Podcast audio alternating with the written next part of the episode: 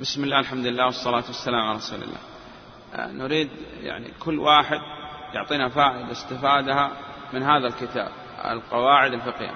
فائدة واحدة ولا يكررها. يعني خلاص يسكت لا يعطي غيره يأتينا بفائدة. نبدأ باليمين. لماذا اخترنا دراسة هذا الكتاب؟ نصيحة العلماء. وأنه بعد الأصول لابد يعرف الإنسان شيء من القواعد. جزاك الله خيرا. نعم.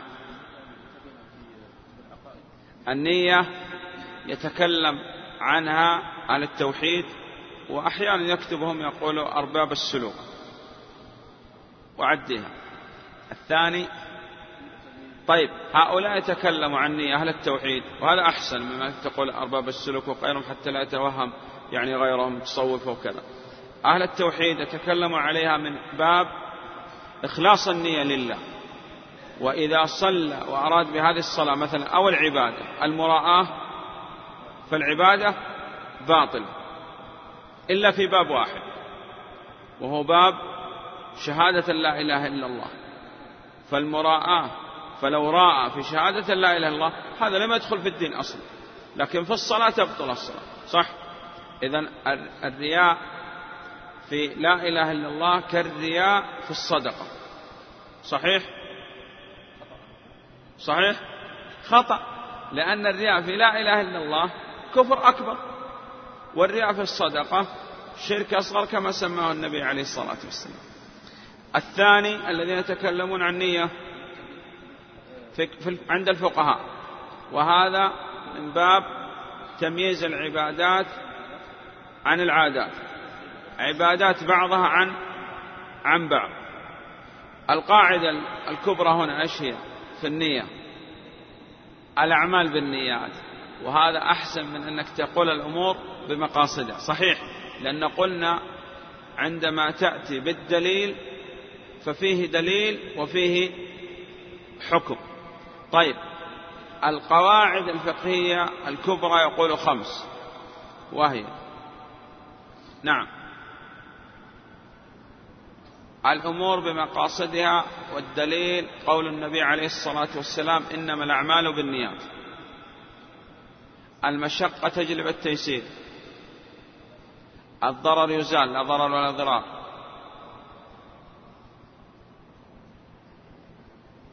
اليقين لا يزول بالشك. العادة محكمة خذ العفو وأمر بالعرف نعم. القواعد قلنا تنقسم إلى قسمين قاعدة هي في الأصل نص من نصوص الكتاب والسنة وهذه لا يمكن أن ترد أو أحد يعترض عليها أو يدخلها خطأ. وإن وجدنا قاعدة تخالف النص فنرمي بالقاعدة عرض الحائط. الثاني قاعدة عن اجتهاد فهذه محل للأخذ والرد. نعم غير. نعم. ما أسمع. المشقة قلنا قسمها بعض العلماء إلى قسمين. مشقة لا تنفك عن العبادة غالبا وهذه ليس فيها تيسير. والثانية مشقة تنفك عن العبادة وهي تنقسم إلى قسمين. أن تكون المشقة آه. تمنع من أداء العبادة في الغالب أو تمنع من شيء من العبادة فهذه فيها تيسير. ولكن إذا كانت مشقة يسيرة فهذه لا تؤثر. وقلنا يعني معرفة المشقة أنها عظيمة أو خفيفة وأنواع التخفيفات هذا يرجع فيه إلى كتب الفقهاء. لكن قلنا أنواع الرخص والتخفيفات أقسام وهي نعم. الأول رخصة تقديم كتقديم العصر مع الظهر وتقديم المغرب العشاء مع المغرب وتقديم الزكاة. له أن يقدم الزكاة فإذا أراد وجد أن الناس في حاجة مثلا وأراد أن يقدم الزكاة نقول جائز أن تقدم الزكاة. وإن أخرت الزكاة لا إشكال بل هذا هذا الآن الفعل اللي تفعله لا يجب عليك. صح رخصة تقديم رخصة تأخير كتأخير الظهر مع العصر وتأخير المغرب مع العشاء وتأخير عائشة رضي الله عنها كانت تؤخر الصيام إلى ما قبل رمضان يصح يصح لكن الأحوط أن يبادر بقضاء ما فاته من رمضان لأنه أبرأ للذمة وغيره. طيب رخصة إسقاط. إسقاط الصلاة عن الحائط نعم. طيب. و بدل. كما أن التيمم بدل عن الماء. نعم. رخصة إكراه. ولكن الإكراه قلنا اشترط له شروط لا داعي لذكرها انتهى. بقي تخفيف. أين؟ الصلاة. أي صلاة؟ الضابط قلنا. لا. أسهل من هذا. قصر الرباعية وانتهى الأمر. طيب. غيره. غيره. الضرورات تبيح المحظورات يعني تجعل المحرم مباح. وتجعل المكروه مكروه لا تغير. طيب. والحاجة تجعل المكروه مباح أريد أن تفرق لي بين الحاجة والضرورة.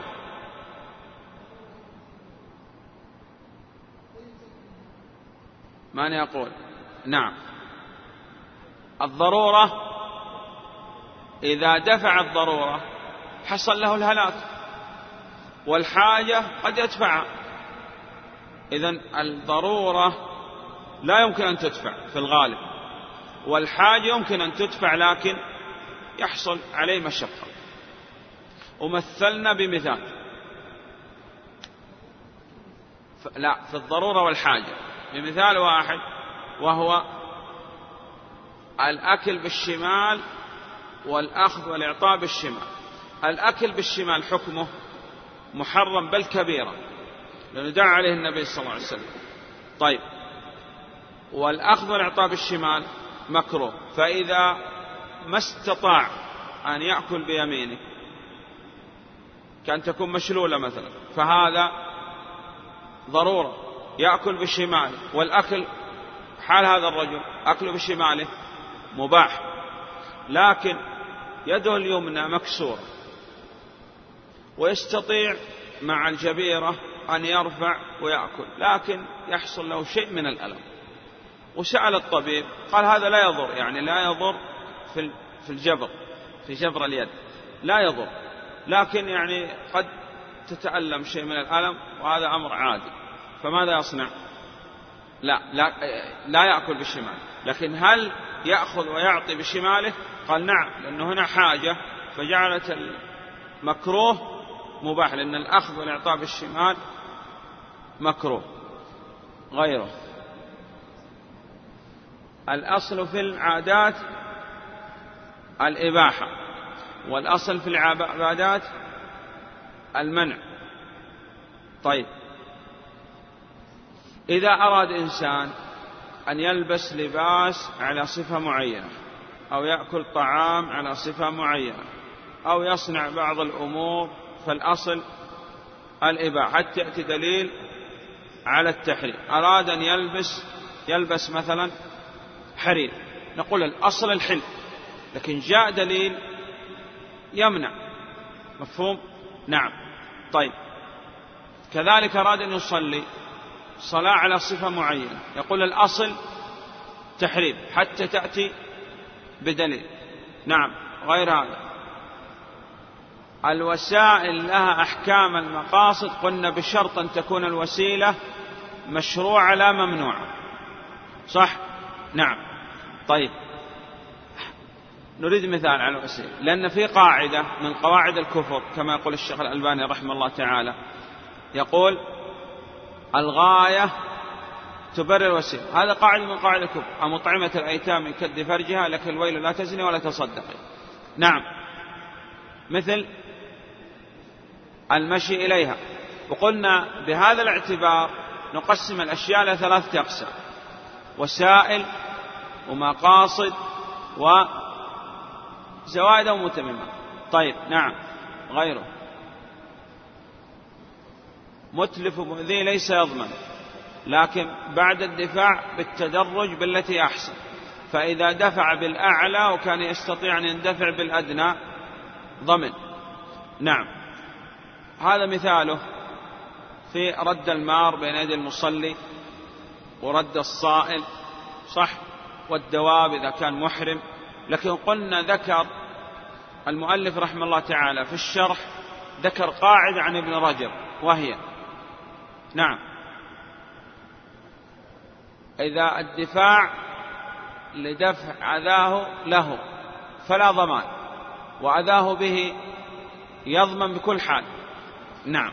ومثلنا عليه بالمحرم إذا صار عليه صيد أو بعير وكان لا يندفع إلا بالقتل. قتل البعير ولا شيء عليه. صح؟ نعم. ويسمي أولى حتى تكون الذبيح حلال. وهذا من الفقه. الثاني إذا أشرف على الهلاك من الجوع وما وجد إلا الصيد له أن يصيد الصيد ويأكل منه. وبعد هذا يضمن لأن دفع أذاه به لا أذاه له. نعم. نعم. أرفع صوتك. الدين مبني على المصالح. وذكر كلام نفيس يعني الشارح رحمه الله تعالى وهو المؤلف. وقال أن هذا الدين كل ما جاء به النبي صلى الله عليه وسلم فيه مصلحة وفائدة ونفع لنا. وذكر أيضا كلام لمن؟ لابن القيم. خلاصة هذا الكلام أن النبي صلى الله عليه وسلم لو لم يأتي بدليل على صدقه إلا هذه الشريعة لكفى أن يكون فيها الشاهد والمشهود له والحجة والمحتج له والخبر والبرهان وأنه لم يطرق هذه الأرض شريعة كشريعة محمد صلى الله عليه وسلم. وقال وأطال الكلام ابن القيم رحمه الله تعالى. نعم. المشغول لا يشغل مثاله المرهون والمسبب وهو ذكر مثالين الراهن لا يباع حتى يفك الرهن. وكذلك إذا حبس الأصل لا يستطيع البيع. نعم إلا إذا تعطلت المنافع فيصرف في مثله أو في أقل منه أو أكثر على ما درسنا. طيب كيف يعرف أنه الأدنى من الأعلى؟ يعرف بالشرع. أي نعم مثال. ميتة خنزير وميتة غنم. يقدم ميتة الخنزير في الترك ويقدم ميتة الغنم في الأخذ. أصلا هذه سواء كان ميتة أو مذبوحة. اعتبر يا أخي سؤال جديد. أنه وجد ذبيحة خنزير مذبوح خنزير. ذبحه مثلا كتاب. وجد ميتة غنم. أيهما قدم لماذا؟ لأن هي حلال. طيب. لحم مشتبه فيه. ولحم متفق عليه أنه محرم. مثاله شاة ذبحت من إنسان. وهذا يعني لا ندري هو مسلم أم كافر؟ وعندنا شاة خنقت من مسلم. أيهما يقدم؟ الأولى ولا الثانية؟ المشتبه يقدم على المحرم الخالص نعم. طيب. نعم.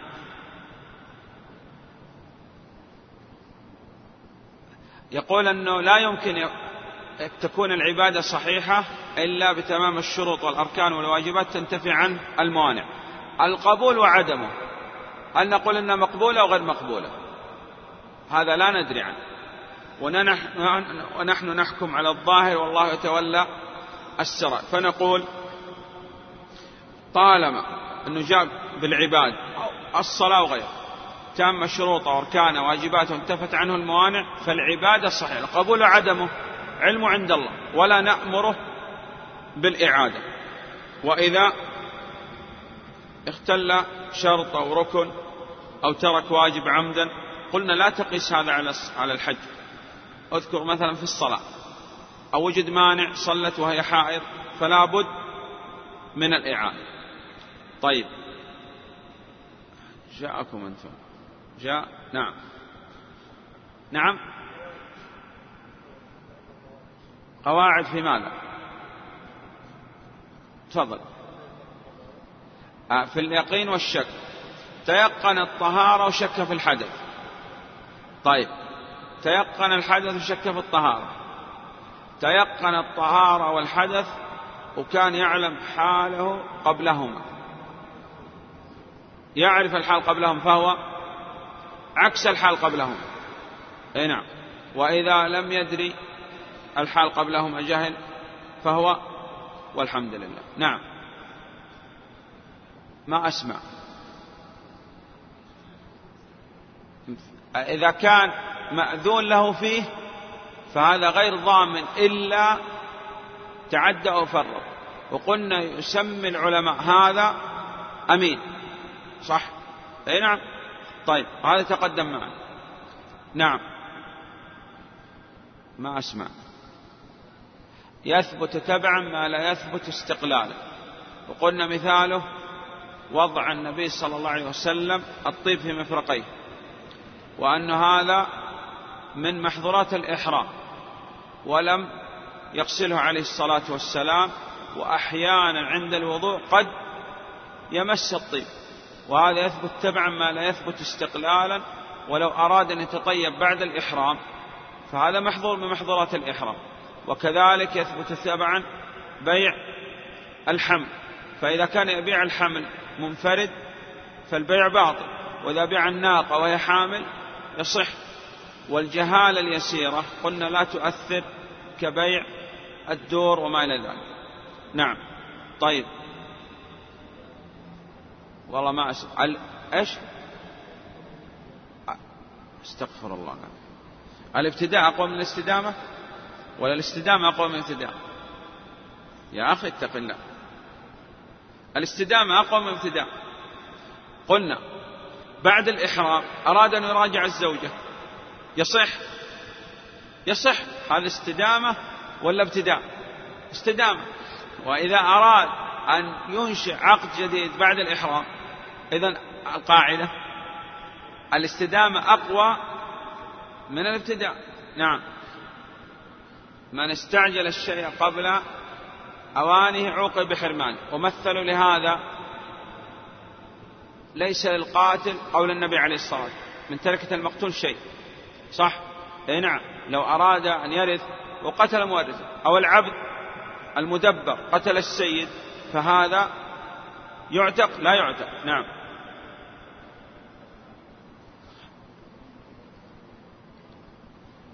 نعم. القاعدة العلة تدور مع المعلوم فإن وجدت وجد الحكم. وإن زالت زال الحكم. كما قلنا في النجاسة أن النجاسة عين. متى زالت؟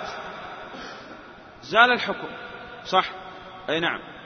وسواء كانت قلنا النجاسة أنها زالت بالماء أو بغيرها من المطهرات فهي عين. ومتى زالت العين؟ زال الحكم. قلنا كلب وقع في مملحة وأصبح ملح. فالعبرة بماذا الآن؟ بالذي هو عليه الآن. عليه ليس كلب أنه ملح إذا انتهى. مفهوم؟ لكن البيع وعدمه هذا أمر آخر. نعم. العادة محكمة لكن إذا لم يرد شيء من الشرع الحنيف. طيب. وقلنا أنه الشيخ بن عثيمين رحمه الله تعالى ذكر ماذا؟ قاع ذكر بيت على هذا. نعم. هذا المؤلف بن عثيمين رحمه الله تعالى. طيب اتركه يأتينا إن شاء الله. وكل ما أتى ولم يحدد في الشرع كالحرزي فبالعرف احددي. طيب يعني العادة يقول أن الأئمة يعني قبل دراسة الكتب ينصحوا أولا حتى الدراسة على بعض الناس. قال تستخير الله وتدعو الله سبحانه وتعالى أن يعطيك خير هذا العالم ويدفع عنك ما عنده من شر. كذلك في الكتب إذا أراد إنسان أن يقرأ كتاب يستخير الله سبحانه وتعالى. فنحن نستخير أن نقرأ نظم الشيخ بن عثيمين رحمه الله تعالى وهو النظم الوحيد للشيخ. وعلى ما يعني مشينا عليه أننا نريد أن نختم بإذن الله.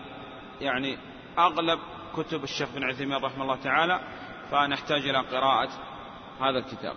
تستخير الله سبحانه وتعالى على أننا نقرأ الكتاب. لماذا السبت غدا إن شاء الله تعالى نبدأ. لكن استخير الله سبحانه وتعالى في بدء هذا الكتاب. يأتي بها الله سبحانه وتعالى. والله أعلم. صلى الله على محمد وآله وصحبه وسلم. جزى الله الشيخ خير الجزاء.